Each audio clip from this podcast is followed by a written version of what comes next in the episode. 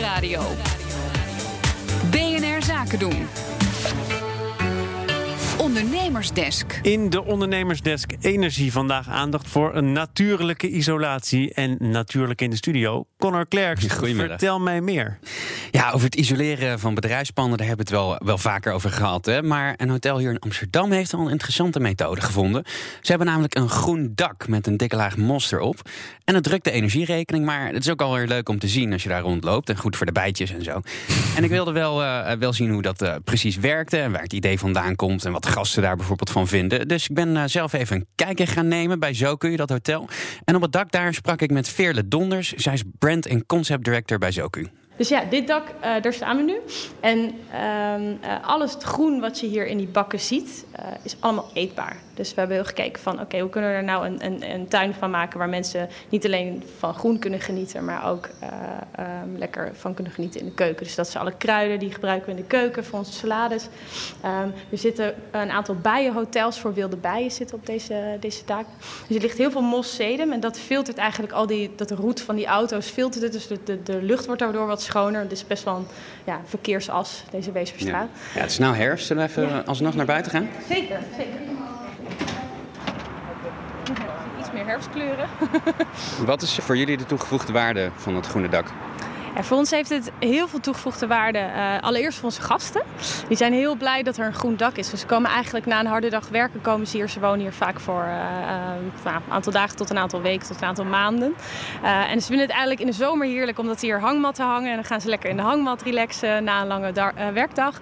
Ze vinden het ook heel fijn om hier in het weekend gewoon een boekje te lezen en gewoon buiten te zijn. Dat is vaak, ja, vooral met zo'n drukke weg naast je, is dat niet echt ideaal. en dat kan hier wel.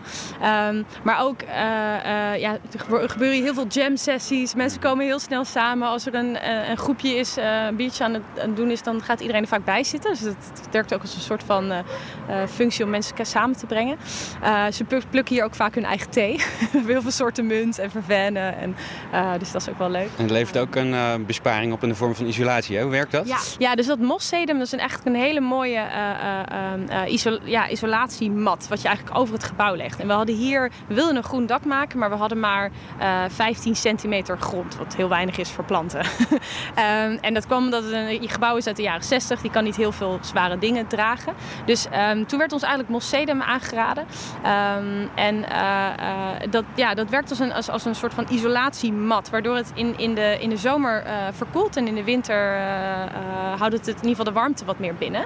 En dat scheelt ons enorm in onze energierekening. En het dak zelf, hoe is het eigenlijk tot stand gekomen? Um, hebben het samen met de gemeente gedaan? Ja, ja de gemeente Amsterdam heeft ons hier uh, enorm mee geholpen. Dus wat we, uh, uh, we zijn eigenlijk begonnen met, een, met, met het idee van, van de daktuin. En we wilden eigenlijk al heel snel dat het een soort van publieke daktuin zou worden. Waardoor de, de buurt ook het leuk vindt om hierheen te komen. Um, en de buurtbewoners die hadden ook echt wel behoefte aan groen. Vooral degene die aan de Weesperstraat wonen. Die zeiden van ja, we missen dat gewoon echt. We zeiden nou, dan gaan we het openbaar maken. Dus dan mag iedereen hier lekker komen genieten. Hoeveel wordt daar gebruik van gemaakt? regelmatig. Ja, het is niet alsof het hier elke dag bomvol zit. Maar uh, nou, mensen komen toch wel vaak even, een, uh, even gewoon of een drankje doen of gewoon hierboven even zitten. En ja, vooral, weet je, mensen vinden het heel leuk om dit te laten zien. Omdat beneden zie je niet echt wat er gebeurt. En dan kom je boven en is het echt een verrassing. En dat vinden buurtbewoners vooral leuk als familie langskomt. En uh, ja, ja, zijn hier, ja, ze zien ons ook aan de overkant altijd. Dus dat is ook altijd wel leuk. Ja. De hele doorgang, als je hier zo binnenkomt, lijkt ook op een kas. Is dat bewust? Ja, dat is zeker bewust. Ja, we, we konden een hele saaie doorgang maken. Want we moesten vanaf de lift naar de, de, de social spaces. Maar we zeiden van laten we dat dan ook een kas maken met veel planten erin. Uh, de planten in de kas zijn alleen niet eetbaar, omdat je toch met je klimaat zit. Met zo'n kas klimatiseren, dat is eigenlijk heel lastig. Dus uh, er, er, is weinig uh, aan climate control daar. Is wel een heating voor het plantje dus niet doodgaan. Maar echt wat, wat veel kassenbouwers gesproken van hoe gaan we dit doen. Dus ze zeiden van ja, je kan in zo'n kas op het dak zonder klimaat weinig dingen groeien. Behalve als je er kalk op smeert en zo, maar dat is niet echt mooi. Dus dat hebben wij uiteindelijk niet gedaan. Connor Klerks in gesprek met Veerle Donders van Zoku. De Ondernemersdesk Energie wordt mede mogelijk gemaakt door Enpuls. Enpuls, baanbrekende ideeën voor de energietransitie.